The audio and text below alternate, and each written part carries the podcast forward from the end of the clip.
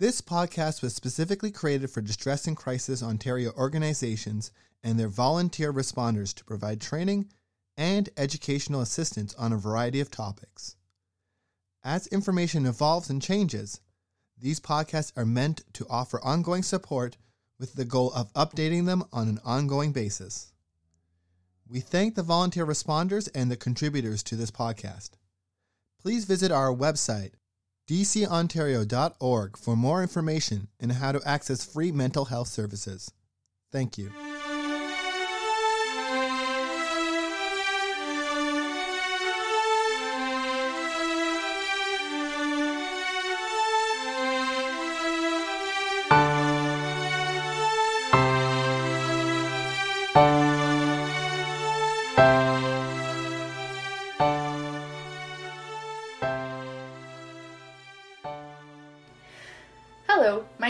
Is Caitlin Plant, and I am the program manager at Distress and Crisis Ontario. Thank you for choosing our podcast. Today, I am joined by my friend Sabrina. Sabrina is a qualifying registered psychotherapist currently completing her placement for her master's in counseling psychology. She's passionate about helping others improve their mental health and is one of my oldest and best friends. She's very kindly joining us today to share some of her personal journey with her own mental health and her learning to support others. Sabrina, when I asked you to come on the podcast with me this week, you described speaking about mental health and sharing your personal journey as your heart's work. Can you tell us why that is? Yeah, I mean that that's a that's a big question. It's got a, a pretty complex answer, but um, essentially, so many professionals and so many psychological associates are burdened by the idea that if their clients figure out who they are or if their clients find out that they've struggled that they'll lose their validity. And um, actually like a study came out in just this year from the university of mississippi where they found out that 80% of psychological associates and that includes therapists and psychologists and psychiatrists 80% of them are like living with some sort of mental health disorder or some are requiring psychological treatment. So most of us are fronting like we're you know immune to this human condition. Um and that's my heart's work is bringing this barrier of separation um, from clients into the room and, and being able to say like no I, i've been there and you know i i think it's important that people know that just because i have done the work or done the school doesn't mean that i'm immune to this process that kind of just happens for everybody. Um, i think this is it's a hard question because it's not just my heart's work in that i love doing it but ultimately there was a time in my life that like was pretty dark and coming to a place of realizing like what being healthy looked like um, and and understanding what that process would be required a lot of validation and it took a long time to find that for myself and i want to find a way for people to feel validated in their process without it having to take you know 10 or 15 years of living in kind of this place where you're feeling like you're getting taken under so yeah, I guess that's kind of a little bit of why it's my heart's work, maybe. Mm-hmm. Yeah, I, I like how you use validation there because in the response that you were giving, that's kind of the first word that came to my mind is mm-hmm. that bringing that honesty into the room is only going to make it easier to validate your client's struggles, mm-hmm. and that that is such this such an important part of the healing process is feeling validated and heard and understood, and it's easier to feel those things if you know that the person you're speaking to does have lived experience. Yeah. So, kind of in the same vein, but how have your own struggles with mental health and the steps you've taken to care for yourself shaped the way that you now choose to support others?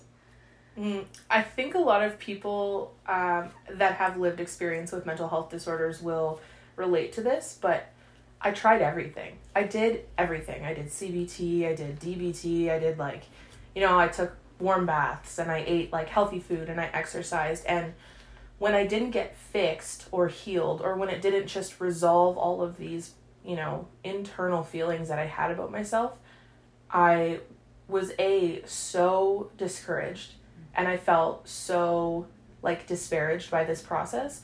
And also, I just felt so ashamed because I felt like I was unfixable. Um, and when all of that was happening for me, it shaped how I want to support people because it kind of set off a catalyst where I became determined to kind of find a way to support people without introducing that kind of fear of failure or fear of, you know, not kind of vibing with a technique or, you know, a, a modality or a theory. Um, because, you know, in my process, I learned mental health and the work that comes with it is kind of like you know shopping in a clothing store like one size does not fit all mm. and there are some really excellent modalities out there but at the core of all of them is the therapeutic relationship and i i think ultimately how it all was shaped was finding people who supported me in the way that it met me where i was at instead of me having to meet them you know, where their skills were at.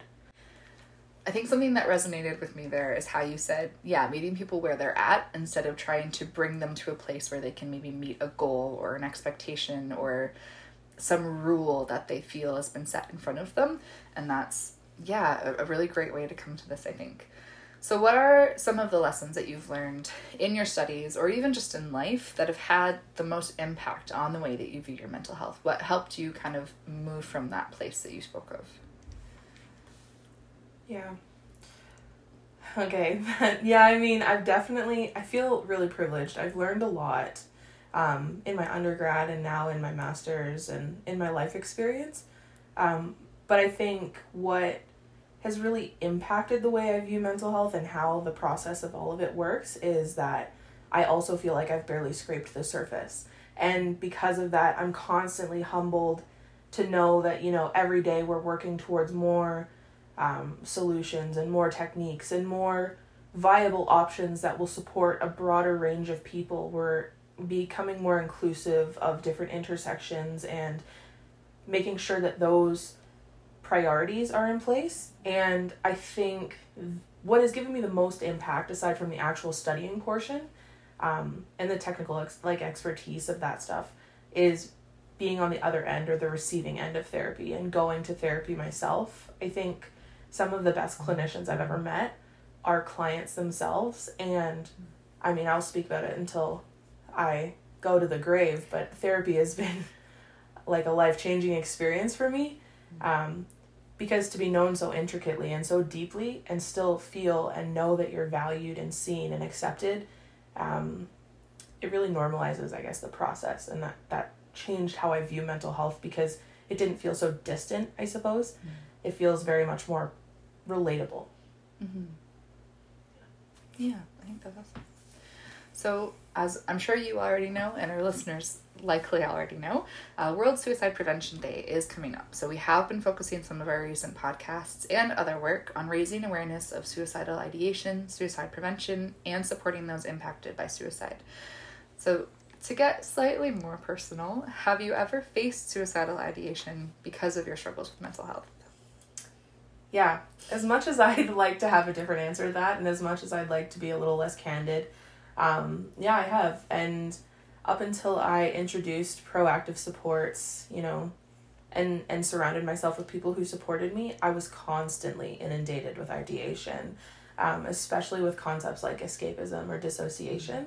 Um, the idea of just living in a lofty version of my brain was not um, was not uncommon for me because I did not want to focus on the things that were happening both on the inside inside and on the outside. Mm-hmm. So how did and still do you manage these intrusive thoughts that are related to suicide?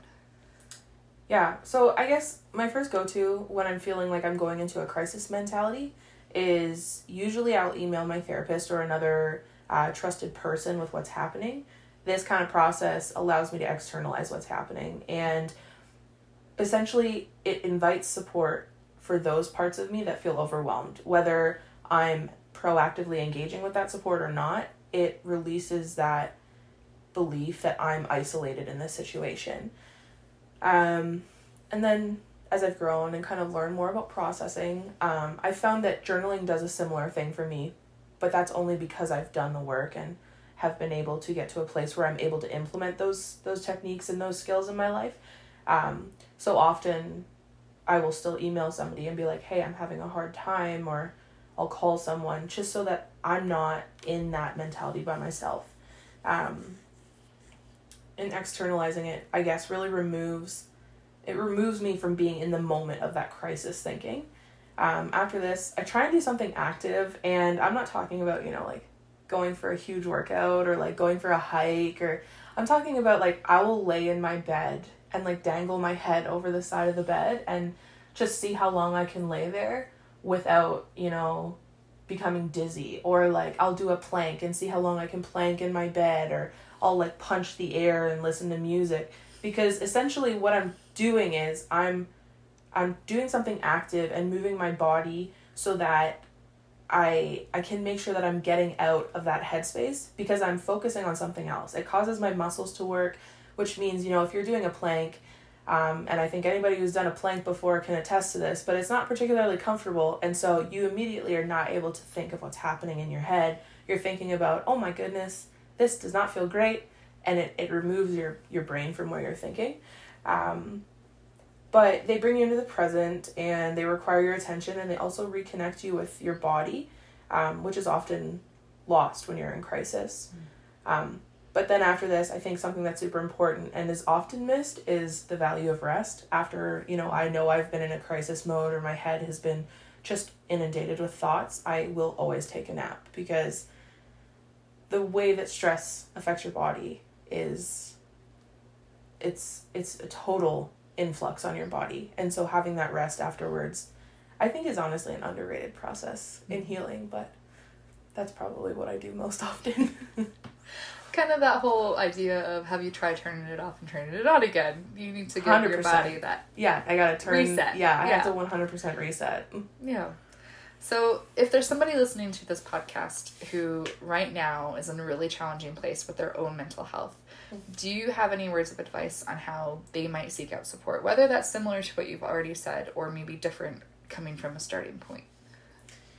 Yeah, I think, well, I mean, I I will never speak for like the majority because I know that my position is particularly privileged having the insight I do um, with education. But there are resources available. I mean, DCO is obviously an excellent resource. Um, CMHA has some excellent peer support groups where you can connect with other people who are living in a, ser- a similar experience as you. Um, alternatively, there are options like privatized care where there's sliding scale fees and those things. But honestly, my first advisement um, is genuinely just to acknowledge the feelings that you have and the emotions that you have and sit with them. Bring them into the room, name them, um, and kind of give yourself time to feel those without feeling judgment for yourself. Um, and without expectation that you have to arrive at some kind of goal. You know, you can just have the emotions and not resolve them right then. You know, honestly, if you're feeling overwhelmed, and you you don't feel like you're safe, make contact with another human. That's I mean ideal. Um, and whether that's a crisis center or if you can safely head to a crisis center, then go to one because um, ultimately the goal is to keep you safe and protected from, you know, yourself in moments like that. Um, if you're feeling overwhelmed but you kind of are safe and you feel like you could, you know, come back down from this heightened state, um, get yourself some cold water and make a snack and engage with how your body is responding to those things. So if you're drinking cold water, feel how cold it is in your mouth or you know, hold an ice cube or do these things that people talk about and actually focus on them. You know, don't just do them because you're fulfilling a a, a process, but do them because there is a psychological response and then there is a physiological response and you want those to come into union. You want to be present in both of those. Um, once you've engaged your physical senses, you can start to de escalate the emotions until you're in a safe space that you can process them with someone who knows what they're doing. Um, and honestly, that doesn't mean that you're finding an answer, it doesn't mean you're getting fixed. It just means that you're giving yourself space to feel those feelings. Um, because sometimes there just isn't an answer. There isn't, you know, some conclusion to these feelings. Sometimes it is just your body needs to feel them, and that's that's acceptable and that's important. Um, so holding space for yourself, I guess. Doing that is primary. Yeah. Yeah. Something that I recently learned that stuck with me is that we often use the language that someone is feeling suicidal or they're feeling like they want to kill themselves. But those Mm-hmm. things are actions, not feelings. Mm-hmm. But there is a feeling, an emotion, a process behind wanting to go through with that action. 100%. So if you can pinpoint that feeling, that can really help you then move forward into, yeah, accepting it, holding it, processing it. And something that I think is massively underrating or underrated is even printing off a feelings wheel Mhm. and looking at what maybe you think you're feeling mad, but then you look at a feelings wheel and you can see that madness actually comes from a whole bunch of different places like frustration and misunderstanding and jealousy, jealousy and and these things. and- yeah, And, and pinpointing what the kind of central emotion is, and it just helps you take that one step further. Mhm. Um, and I think those fit in really well with everything that you just said. yeah. So before we kind of wrap up here, I'm just wondering if there's anything else you'd like to add that we haven't already covered. I mean, when it comes to, you know, suicide prevention and suicide awareness, it is you're right, it is an action and and once people have gotten to that point, you know, people make a big deal about, oh well they did this or they've made these choices and honestly, once you're at that point, you you haven't made that choice. Your brain has separated itself from what's happening and that's a very scary place to be. Um, and so I think something we can do, honestly, that's really realistic and very attainable for all people is just be kind to other people. We are all living in this collective trauma that is just constant. You know, finances are bad, housing market is bad, uh, you know, uh, politics are scary, every country is, you know, engaging with war. Everything is scary and hard all the time. Um, but there's this Disney quote that gets me every time you know, it costs zero dollars to be a decent person. And that has always resonated with me. You know, you don't have to like everyone, you don't even have to engage with everybody, but it is a very simple task to be kind. And you don't know if your comment or your smile or your kindness is going to be what gets somebody to tomorrow. Um, and so I think just being aware of what's going on inside of yourself so that you can maintain that kindness for other people is again hugely underrated but hugely beneficial for a lot of people Thank you so much for doing this with me today. I really appreciate it. And thank you to everybody who's listening for joining us this week. Um, I hope this conversation has been helpful for you. If you are in need of support and you do feel like you need to connect with the crisis line, please do visit our website. Uh, it's www.dcontario.org forward slash locations will help you find your nearest center. Or you can connect by chat or through text with ONTX. Uh, you can reach the chat function from any page of our website. There's a little sidebar that says looking for support that you can click on. Or you can text the word support 2258 258. Um, ONTX is available from 2 p.m. to 2 a.m. Eastern Standard Time every day. A lot of our members operate 24 7. Um, if you have any feedback for us about this podcast, we would love to hear from you, and you can fill out the feedback form in the show notes. Uh, thank you again, and I hope you have a wonderful week.